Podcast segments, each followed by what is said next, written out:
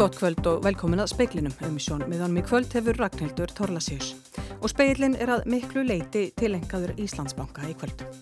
Bankasýslunni voru veittar villandi upplýsingar um flokkun þáttakanda í útbúðinu í fyrra. Dæmi er um að starfsmenn bankans hafi átt frumkvæði að því að selja fjárfæstum bref þó að útbúðið væri aðeins alltaf fagfjárfæstum.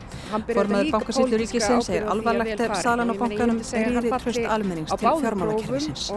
Fjármálaráð þeirra segir stjórn Íslandsbanka hafa bröðist trösti sínu. Skýrslan sé áfællist dómur á stjórn bankans. Þingkonur stjórnarandstöðunar segja að horfa verði til ábyrðar fjármálaráð þeirra við söluna. Bankastjóri Íslandsbanka og stjórn bankans ljótað hugsa sinn gang segir stjórnarformaður lífeyrissjóða starfsmanna ríkisins þriðja stærsta eiganda bankans. Hann hvaðist ekki byrja mikið tröst til þeirra. Stjórnarformaður lífeyrissjóðs verslunamanna tekur í sama streng og segir trúverðileika fjármálakerfisins í húfi.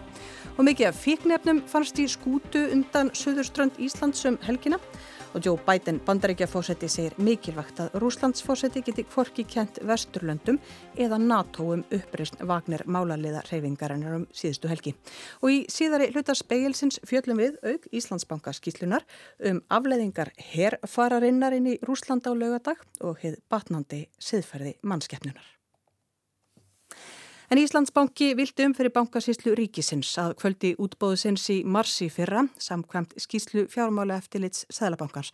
Bankasíslan var ekki upplýst um að almennir fjárfestar stæðuð baki sömum tilbúðana. Bankasíslunni voru einnig veittar villandu upplýsingar um flokkun þáttakanda í útbóðinu og upplýsingum sem lágu fyrir haldið frá henni. Starfsmenn Íslandsbanka höfðu oftar en ekki frumkvæðið að því að selja almennum fjárfestum bref í bankanum, þó útbóðu væri aðeins ætlað fagfjárfestum. Í nýju skipti var almennum fjárfestum talin trúum að lámars upphæð væri 20 miljónir sem engin stóð var fyrir. Þá flokkaði Íslandsbanki átta viðskiptavinni sem fagfjárfesta án þess að skilirði laga hefðu verið uppfyllt. Degi fyrir útbóðu var ákveðið að starfsmenn mættu kaupa hlut í bankanum. Samkvæmt skýslunni hafði bankin þó ekki fórsendur til að taka þá ákverjun yfir höfuð en ekki voru gerðar viðjandi ráðstafanir til að greina og komi í veg fyrir hagsmuna áreistra. Útlistuð eru nokkur dæmi um kaup starfsmanna sem brutu í báa við reglur bankans. Í einu dæminu fekk starfsmæður heimiluð kaup þrátt fyrir að vera yfir hámarks upphæð.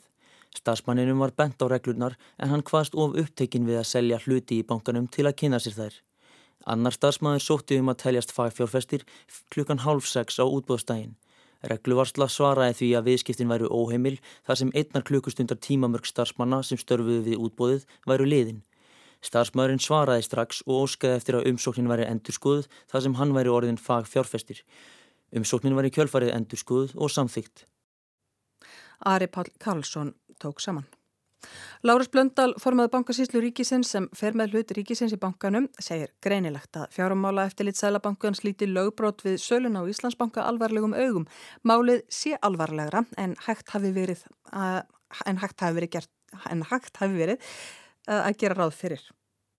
Já, það eins og þetta er sett fram í skýslunni í sáttinni þá er ljóst að, að þarna hefur verið hérna, gengið á svig við reglur og lög og, og, hérna, og það eru þetta mjög alvarlegt mál og það hefur líka þýðingu fyrir bankasýsluna og, og hérna, ríkið sem eiganda að, að þess, þessum eignarhlutum í böngunum að, að þetta mun mögulega hafa áhrif á tröst almennings til fjármálakerfisins og það er út af fyrir sig kannski alveglegasti vingillin á þessu máli. Var aldrei tilefni til þess að, að skoða málinn betur að fresta sölunni eða eitthvað stygt á sínum tíma? Nei, það, það til ég ekki vera vegna að þetta er eðli þessara tegundar útbúðs að til að takmarka áhættu þá er mikilvægt að þetta taki skaman tíma. Og þess vegna er mjög mikilvægt að þeir aðila sem fá að taka þátt séu hæfir fjárhustar og það er það sem við gengum út frá. Og, og það er bara mjög mikilvægt þáttur í útbúðinu að það er hægt að gera þetta svona hratt vegna þess að það er engungu, getum við sagt, atvinnumenn sem eiga að taka þátt sagði Lárus Blöndal, formaður bankasíslu ríkisins í viðtali við Val Grettisson. Bjarni Bindiktsson, fjármál og efnaðsmálar á þeirra, segir skýslu fjármála eftirlitsins um brotalamir á sölu á hluti í Íslandsbanka áfællistóm fyrir stjórn bankans. Stjórn Íslandsbanka hafi bröðist trösti sínu. Það sem er undir hérna er þá það að uh, stjórn og stjórnendur bankans gerir betur grein fyrir því hvernig þeir vilja bregðast við þannig að tröst verði endurheimt. Það er það sem við erum uh, með undir hérna. Trestir þú stjórn og stjórnendum okkars?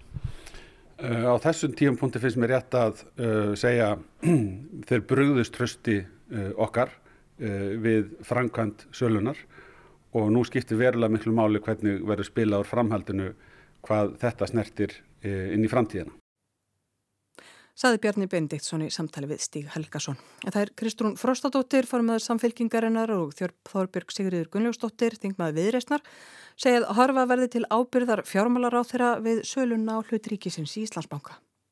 Það væri afleitt niðurstu af þessu máli ef það eina sem við sæjum eftir þessar tvær skýslur væri að einn stopnun sem er bankasíslan væri löð niður og mögulega bankastjóri og hlutastjórn víkur en pólitíkin ætlar algjörlega fyrir þessi ábyrð. Það liggur alveg fyrir hvernig lagaleg ábyrð er.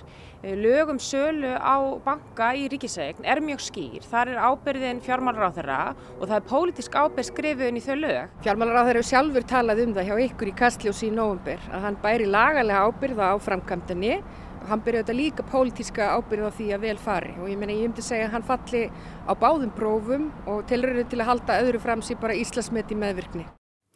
Þetta var Þorbjörg Sigriði Gunnlaugsdóttir á endan henni talaði Kristrún Frostadóttir. Lilja Alfredsdóttir viðskiptar á þeirra segir alla ábyrð á þeim brotum sem voru framinn við sölu og hlut Íslandsbanka í fyrra vera hjá stjórnendum bankans. Stjórnendum Íslandsbanka var falið að selja hlut almennings í bankanum. Þeir bröðust í trösti og í mínum huga er það alveg skýrst að, að þetta getur ekki gengið svona. Hver er svona hinn pólitíska ábyrð og hver á að axla hana í þessu máli? Ábyrðin hún liggur núna hjá stjórnendum Íslandsbanka. Það kemur í ljós þegar fjármála eftir Sælabanku Íslands fer yfir e, söluna að þá er, þá er mjög margt sem fer úrskeiðis. Bara til að mynda það að Bankas Íslands sjálf hafi verið blegt af Íslandsbanka e, ég held að það sé nánast fáheist að þegar verða sísla með eigur almennings að slikt komi upp. Sagði Lili Alfredsdóttir, Ólef Rún Erlendsdóttir talaði við hana. Og þá að öðru. Þrýr voru handteknir eftir að mikið magn fíknefna fannst í skútu undan söðurströnd Íslands um helgina. Tverina handtekna, handtekna vorum borði í skútunni og sá þriði í landi. Í tilkynningu frá laurugluna og höfuborgarsvæðinu segir að þeir verði allir í gæslu varðhaldi til 3. júli. Lauruglan naut aðstóðar landhelgiskeslunar, tollgæslu lauruglunar á Suðunessjum og sérsveitaríkis lauruglustjóra við aðgerðinar. Joe Biden, fórseti bandarækjana, segir mikilvægt að Vesturlönd séu samstiga eftir uppreysn Vagner málalegarhefingarinnar í Rúslandi síðustu helgi. Mikilvægt sé að Rúslands fórseti get ekki kent þeim eða NATO um. Á bladamannafundi í dag sagði Joe Biden bandarækjafósiti mikilvægt að árétta að Vesturlönd hefðu ekkert haft með uppreist vagnirmála liðarhefingarinnar um helgin að gera. Hann sagði bandaríkin og helstu bandamenn hafa samræmst um hvernig skildi bregðast við fréttunum og að afar mikilvægt væri að þau voru öll á sama máli. Biden sagði á fundunum Vesturlönd hafa gengið úr skugga um að Vladímir Putin, fósiti Rúslands, gæti ekki kent þeim eða NATO um uppreistina. Atbyrður síðustu helgar hefði verið innanríkismál Rúslands. Þá saðist hann einnig hafa talað við Selenski, fósetta Úkrænu og líst yfir áframhaldandi stöðningi við Úkrænu, sama hvað gengi á innan Rúslands. Anthony Blinken, auðaníkisráður af bandaríkina, sagði í gær uppresnina í Rúslandi sína glögglega innan búarvanda og að tetring skæti í stjórnsýsli Pútins. Hann sagði ljóst að uppresnin afhjúpaði veikleika innan rúsneska kervisins og því ljóst að þar glýmdi Pútin við áskoranir. Rebecca Líf Ingadóttir saði frá. Mikið þrjumu með úrhællisregningu og kvassveðri gekk yfir Danmarku í dag. Veðrið fór fyrst við Jótland og færðist síðan austur yfir Fjón og Sjáland sem dæmi fjall riflega 35 mm úrkoma á halv tíma í óðisvíum á Fjóni þegar að veðrið gekk þar yfir sem er mesta úrkoma sem að malist hefur í Danmarku í tvö ár.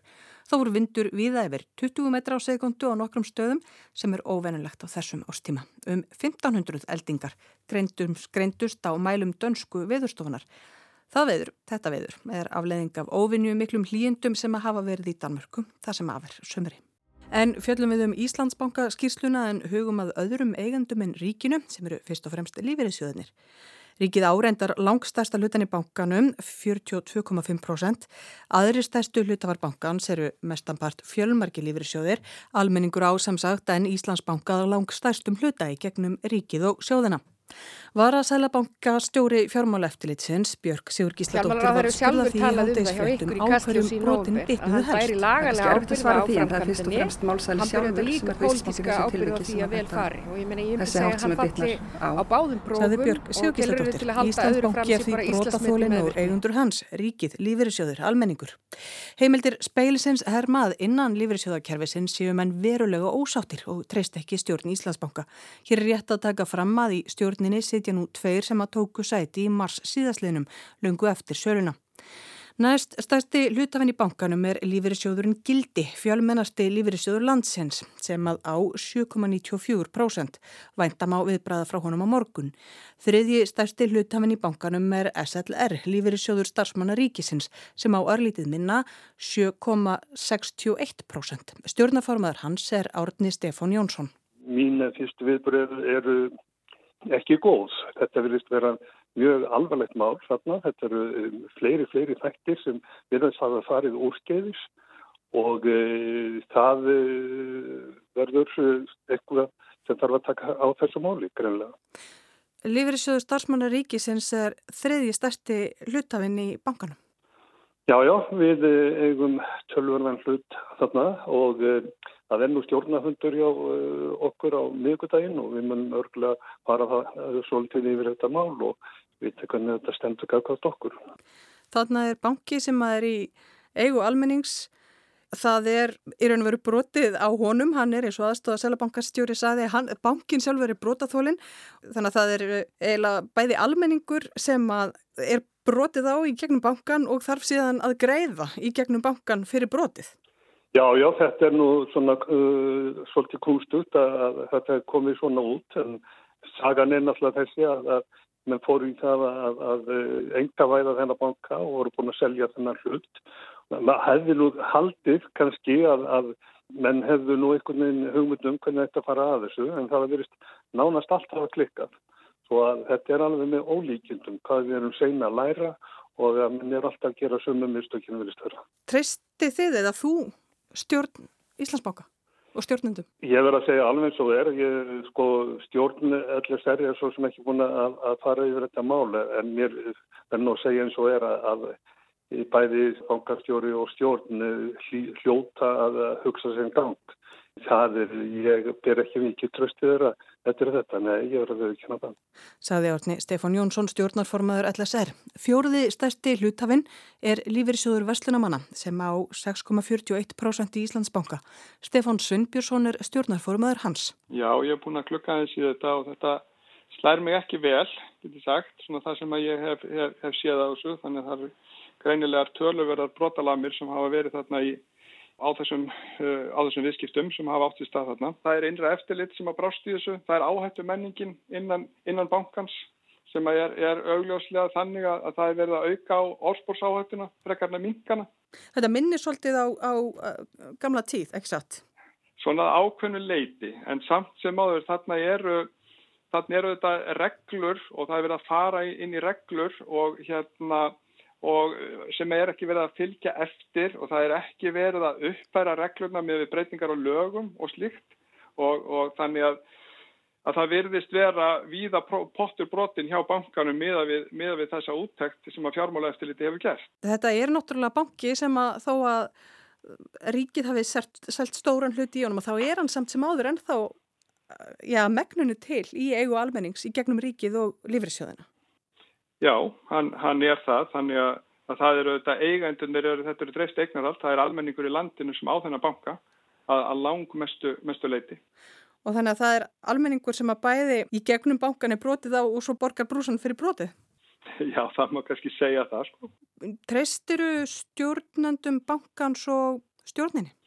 Já, ég meina það er ljóst að þau bröðust og miða við, miða við þessa, þessa sátt sem er gerðið eftirliti og þessa ítalegu skýslu og ég tel að, að þau þurfi að axla ábyrð á því það þarf einhver axla ábyrð á þessu. Þegar þú segir axla ábyrð, ert að meina að þau þurfi að, að fara og þurfi, þau þurfi að hætta? Það er einhver sem að, að þarf axla, að axla þá ábyrð að hætta og ég tel einnig að það sé bara trúveruleiki fjármálakerfisins í húfi um það að þegar svona kom upp að það sé einhver sem axli ábyrð. Þannig að fólk sjáu að, það, að hlutir hafa afleðingar? Já, og veist að almenningur í landinu sjáu það og, og, og eins e, eigendur sem er almenningur í landinu sjá að það hafi afleðingar þegar að svona broti eiga sér stað eins og þarna er. Gerur ráð fyrir að lífeyrissjóður Vestlunamanna taki þetta mál eitthvað fyrir? Eh, ég reikna með því að, að ef að það gerist lítið sem ekkert í þessu að þá verður þetta tekið fyrir á, á vettvangi stjórn og sjóðsins. Sagði Stefán Sveinbjörnsson, stjórnarformaður lífeyrissjóðs Vestlunamanna.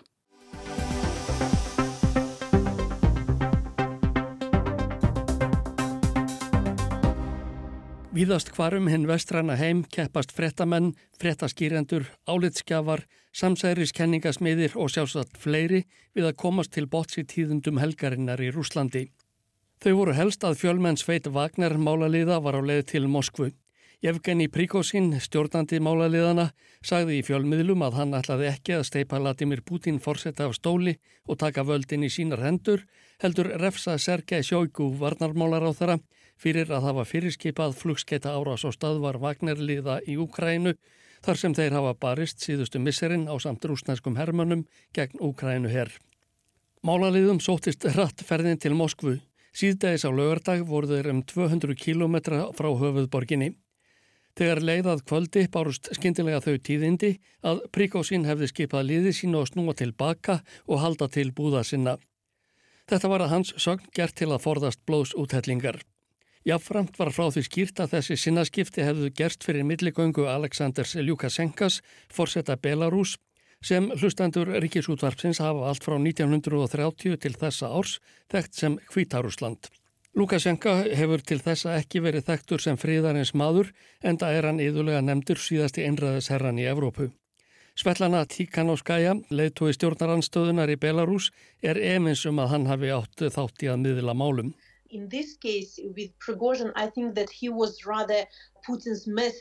Í þessu tilfelli held ég að hann hafi ennungis verið að koma skilabóðum frá Putin til Prigozhins, sað hún í viðtali við fréttamann BBC. Þetta var leiðin til að Prigozhin geti haldið andlitinu. Putin hefur sennilega ekki getað gert þetta sjálfur því að hann hafi verið nýðurlagður með innrás Wagner-liðsins. Einning var frá því greint að Lukashenka hefði bóðið Jevgeni Prigozhin hæli í Belarus. Hann hjælt af stað á lögardaskvöld í bíl frá borginni Rostov við Don, skamt frá landamærum Rúslands og Úkrænu. Síðan hefur ekkert til hans burst. Tikhanovskaja, sem dvelur í útlægði í Litáen, segir að heimildarmenn sínir heima fyrir hafi engin merki séð um að hann væri komin til Belarus. Það eru mjög alvarlega tíðindi fyrir okkur ef Príkosín kemur með herlið sitt til Belarus og ég er ekki vissum að Lukashenko skilji sjálfur hversu alvarlegt málið er, segir Tikhanovskaja. What is uh, Prigozhin going to do in Belarus? To invade Ukraine from our territory or just train Belarusian army or what? Hvað ætlar Prigozhin að gera í Belarus, spyr hún. Ætlar hann að ráðast á Ukrænu frá okkar svæði eða ætlar hann að þjálfa þar hermenn? Við þessari spurningu hafa engin svör fengist til þessa eða hver verði örlög málaliða fóringjans illremda. Vladimir Putin lístið því yfir um helgina að innrás Vagnirliðana væri landráð. Защитим и наш народ и нашу государственность от любых угроз, в том числе от внутреннего предательства. А то, с чем мы столкнулись, это именно предательство. Við ætlum að vernda þjóðina og ríkið fyrir hvers konar ógnunum þar á meðal svikum okkar eigin þegna. Það sem við stöndum frammi fyrir eru svik, saði Pútin meðal annars þegar hann ávarpaði þjóðina í sjónvarpi á lögardag. Hann sagði að rýtingur hefði verið rekin í bakrúsnarsku þjóðarinnar og hétt því að refsa öllum sem tóku þátt í innrásinni. Eftir að Príkosín hafði fallist á að snúa herliði sínu tilbaka breyttist tótnin. Engin verður sóttur til saka að sögn stjórnvalda í Kreml. Þrátt verið þetta greindu rúsneskir fjölmiðlar frá því í dag að öryggistofnun ríkisins heldi áfram rannsókn á gjörðum Jefgenis Príkosíns. Engar upplýsingar fástum hvar hann er niðurkomin. Hann létt þó frá sér fara upptöku síðdegis þar sem hann ítrekkar að ekki hafi staði til að ræna völdum. För hans og manna hans hafi leitt í ljós alvarlega vankanta á öryggismálum Rúslands. Ríkisfjölmiðlarnir hafa í dag keft við að sína að allt sem er kyrrum kjörum í eftir lögum valdapíramítans í Kreml. Sínt var í dag frá ávarpi Pútins fórseta á einþingi einhver staður í Rúslandi. Tíðendum þóttir sæta að hann myndist ekki orði á atbörði helgarinnar. Það er taliði skjóta stóðum undir að ávarpið hafi verið flutt áður en þeir gerðust. Einnig var sínt hljóðlöst myndskeið þar sem Sergei Sjóku, varnamálar á þara, var sagður vera í heimsókn í herstöð rúsnarska hersins í Ukrænu. Óvist er hvenar það var tekið en það þykir sína að Sjóku sé enn í náðinni hjá þeim sem öllu ræður. Hvað gerist næst í rúsaveldi? Vandi er um slikt að spá en óneitinlega koma upp fleig orð sem voru notuð í hverjum þætti sjónvarpsþáttana sóp eða löðurs sem síndir voru í sjónvarpinu árum áður. Ringlaður, þú verður það ekki eftir næsta þátt af löðri. Confused? You won't be after this episode of Soap. Ásker Tómasson tók saman.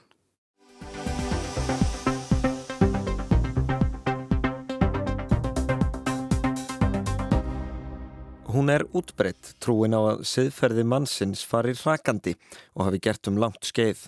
Að kynnslóðir fyrri tíma hafi sínt af sér hreisti, hugur ekki fórtfísi og samkend á máta sem nútíma fólk myndi aldrei skilja. En er það svo? Nei, alls ekki. Ekki ef markam á nýja rannsókn sem byrtist í vísindatímaritinu Nature í síðustu viku og tveir bandarískir vísindamenn stóðu fyrir. Þar eru teknað saman hinnar ímsu rannsóknir fyrir tíma til að sína fram á að fólk hafi raun alltaf talið siðferði á fallandi fæti. Að kynnslóðun og undan þeim hafi alltaf verið aðeins stegðugri en svo sem á eftir kom og það sem meira er að ekkert sé að marka þetta.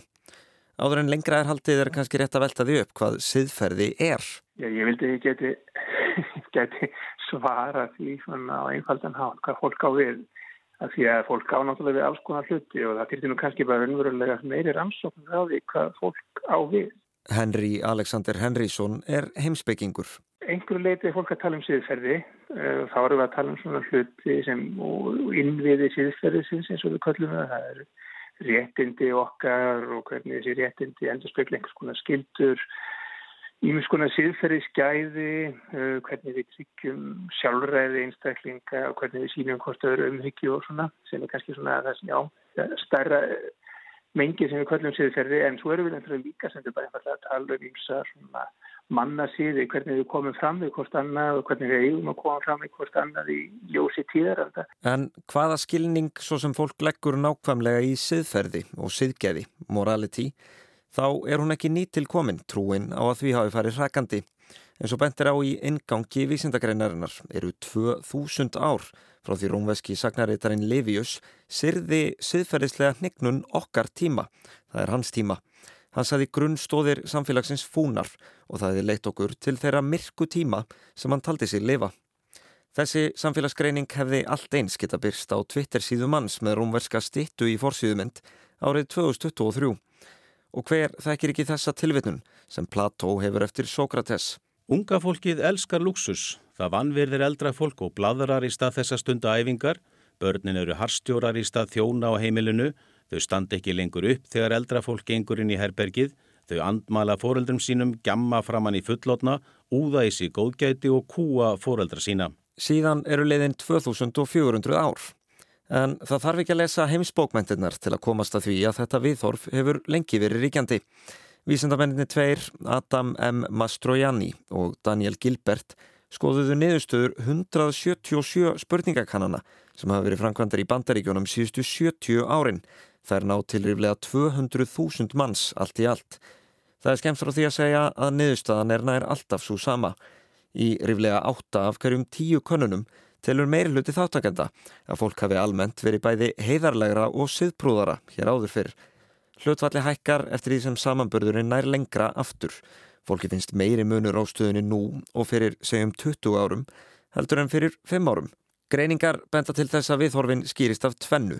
Bæði þeirri trú að eldri kynnslóðir séu göfugri en þær sem á eftir koma og þess vegna raki siðferði með kynnslóðaskiptum Hins vegar að fólki hafi einfallega farið aftur, þú, hlustandi góður, hafið verið siðprúðari í gamla daga. Og þetta er alls ekki bundið við bandaríkin. Samskonar niðurstöður fengust í 58 rannsóknum sem tegðu sig til næri 60 landa. Það er sem sagt nokkuð óumdelt að fólki þykir heimur vestnandi fara og hefur þótt lengi. En getur ekki einfallega verið að það sé staðan. Setni hluti greinarinnar fyrir að rekja þá tilgáttu. Hugmyndur um að siðferði farið hignandi eiga svona svo ofta rætur í því að siðir okkar, mannasiðir okkar, þeir taka bara breytingum í ljósi tíðaranda, þannig að margt sem kannski ungu fólki var að ákveðnum tíðanbili það ákast ekki við lengur þannig að það eru svona stundum og stundum blöndu þessu öllu saman þannig að það getur verið mjög erfitt átt að sjá hvað fólk á við til að tala um að síðferði fari hnignandi og líka þegar það er verið að spurja fólk út í síðferði þá eru kannski þeir sem spurja ekkert með þetta skýra það ekkert alveg út fyrir þeim sem við erum að tala við. Frá Örófi Alda hafa mannleg samfélög skilið eftir sig nokkuð góðar heimildir um grimdarverk morð, nöðganir, þrælahald og útskúfun sem er ekki beint til þess fallið að fá mann til að ætla að síðferðið hafi verið betra áður, segja rannsakendunir. Að jafnaði komi fólk töluvert betur fram við náunga núorðið en það gerði fyrir þúsundum ára sem er ekki beint það sem að myndi ætla ef heiðarleiki, góðvild og almenn siðpríði hefðu verið á rángri leið allan tíman. En þeir bæta við að svona bollaleggingar séu ekki beint vísindalega nálgun Til þess að rekja það með fræðilegum hætti að siðferðið mannsins sé á niðurleið þá skoðuðu vísindamennir annars konar kannanir. Kannanir þar sem fólk er beðið um að leggja mat á náunga sinn án þess að bera þá saman við fyrri tíma. Hér eru nokkur dæmi um spurningar. Myndir þú segja að fólk komi vel fram við þig dagstælega? Tilur þú að meiri hluti fólks sem þú umgengst komi fram við þig af virðingu? Hversu oft hefur þú lendið því síðasta mánuðin að einhver leggji eitthvað á sig fyrir þig án þess að hagnast nokkuð á því? Ógrinni kannana af þessum toga hafa verið gerðar á heimsvísu. Vísindamennir skoðuðu 107 slíkar sem náðu til ríflega 4 miljóna manna yfir 55 ára tímabill. Og niðurstaðan er afgerandi. Fólk svarar könnununum á nokkurt veginn sama hátt nú og það gerði fyrir 20 árum og 50 árum. Engin marktæk fylgni reyndist millir svarana og ólíkra tímabila. Fólk veriðist sem sé alltaf meta samtíman á svipaðan hátt en samt standaði þeirri trú að staðan hafi verið betri áður. Hvað skýrir þetta? Já, það er nú það sem vísindamenn hafa aldrei verið að sína fram á og skoða að þetta eru kannski svona ákveðnar hugssuna villu sem eru hérna líka til grundvallars. Segir Henry Alexander. Fólki hætti til að draga upp bjartari mynd af fortíðinni en er réttlatanleg. Á ennsku er stundum talað um rósrauðu glerugun sem fólk sér fortíðina í gegnum. Við það bætist að fólki dinja sífælt slæmar frettir. Við glemum stundum hvað heimurinn er oft miklu skárið við höldum að því að það eru stanslust slæmar frettir sem vilja á okkur. Og svo er það bara henda þetta einsum og einsum hópum að, að reyna að halda því fram að hluti síðan fara til fjandans. Uh, oft svona þeim sem verður svona kannski lengst á jæðri stjórnmálana þeir vilja Þeir vilja svona láta okkur halda það að hluti sé að fara, fara illa og við þurfum að berjast gegn því hvert við erum að fara, berjast fyrir því sem var áður og, og þetta getur verið mjög öflugt svona politist tækið. Saði Henry Alexander Henrysson, Alexander Kristjánsson tók saman. Og í spekli kvöldsins sáðu við meðal annars frá því að bankarsýslu ríkisins voru veittar villandi upplýsingar um flokkun þáttakanda í útbóðinu í fyrra samkvæmt skýrslu fjármála eftir lit Sælabankans. Dæmið eru um að starfsmennbankans hafi átt frumkvæðið að því að selja almennum fjárfæstum bref þó að útbóðið væri aðeins ætlað fáfjárfæstum. Formaður bankasýslunar segir alvarlegt ef salan á bankanum rýri tröst almennings til fjármálakerfisins og fjármálaráþra segir stjórn Íslandsbanka hafi brugðist trösti sínu. Skýrslan sé áfællistómur yfir stjórn bankans. Þínkonur stjórnar andstöðunar segja að harfa verði til ábyrðar fjármálaráþra við söluna. Og bankarstjóri Íslandsbanka og stjórn hans hljótað hugsa sinn gang, segir stjórnaformaður lífri sjóðstarfsmannaríkisins að þriðja stærsta eiganda bankans. Hann hvaðist ekki mikið tröst bera til þeirra. Og þrýr voru handteknir eftir að mikið að fíkni efnum um 20 kíló af hassi fundustum borði skútu undan söðuströnd Íslands um helgina. Og þá það sem allir býða eftir veður horfur á landinu til minnættis annað kvöld, söðaustan 3-10 metrar á sekundu og skúrir en bjart með köplum á norðaustur og austurlandi. Vaksandi norðaustan og austanótt á morgun, 8-13 og allvíða rigning síðdeis en 15-23 metrar síðst á landinu. Þurrt á norðanverðulandinu framöndu kvöld og þá fer að, fer að draga úr vindi við söðurströndina. Hiti 7-18 stig, hlýjast norð norðanlands. Fleira er ekki í speklinum í kvöld. Tæknimaður var Magnús Þorstedt Magnússon, Margret Júlia Ingimarsdóttir stjórnaði fréttátsendingu. Verðið sæl.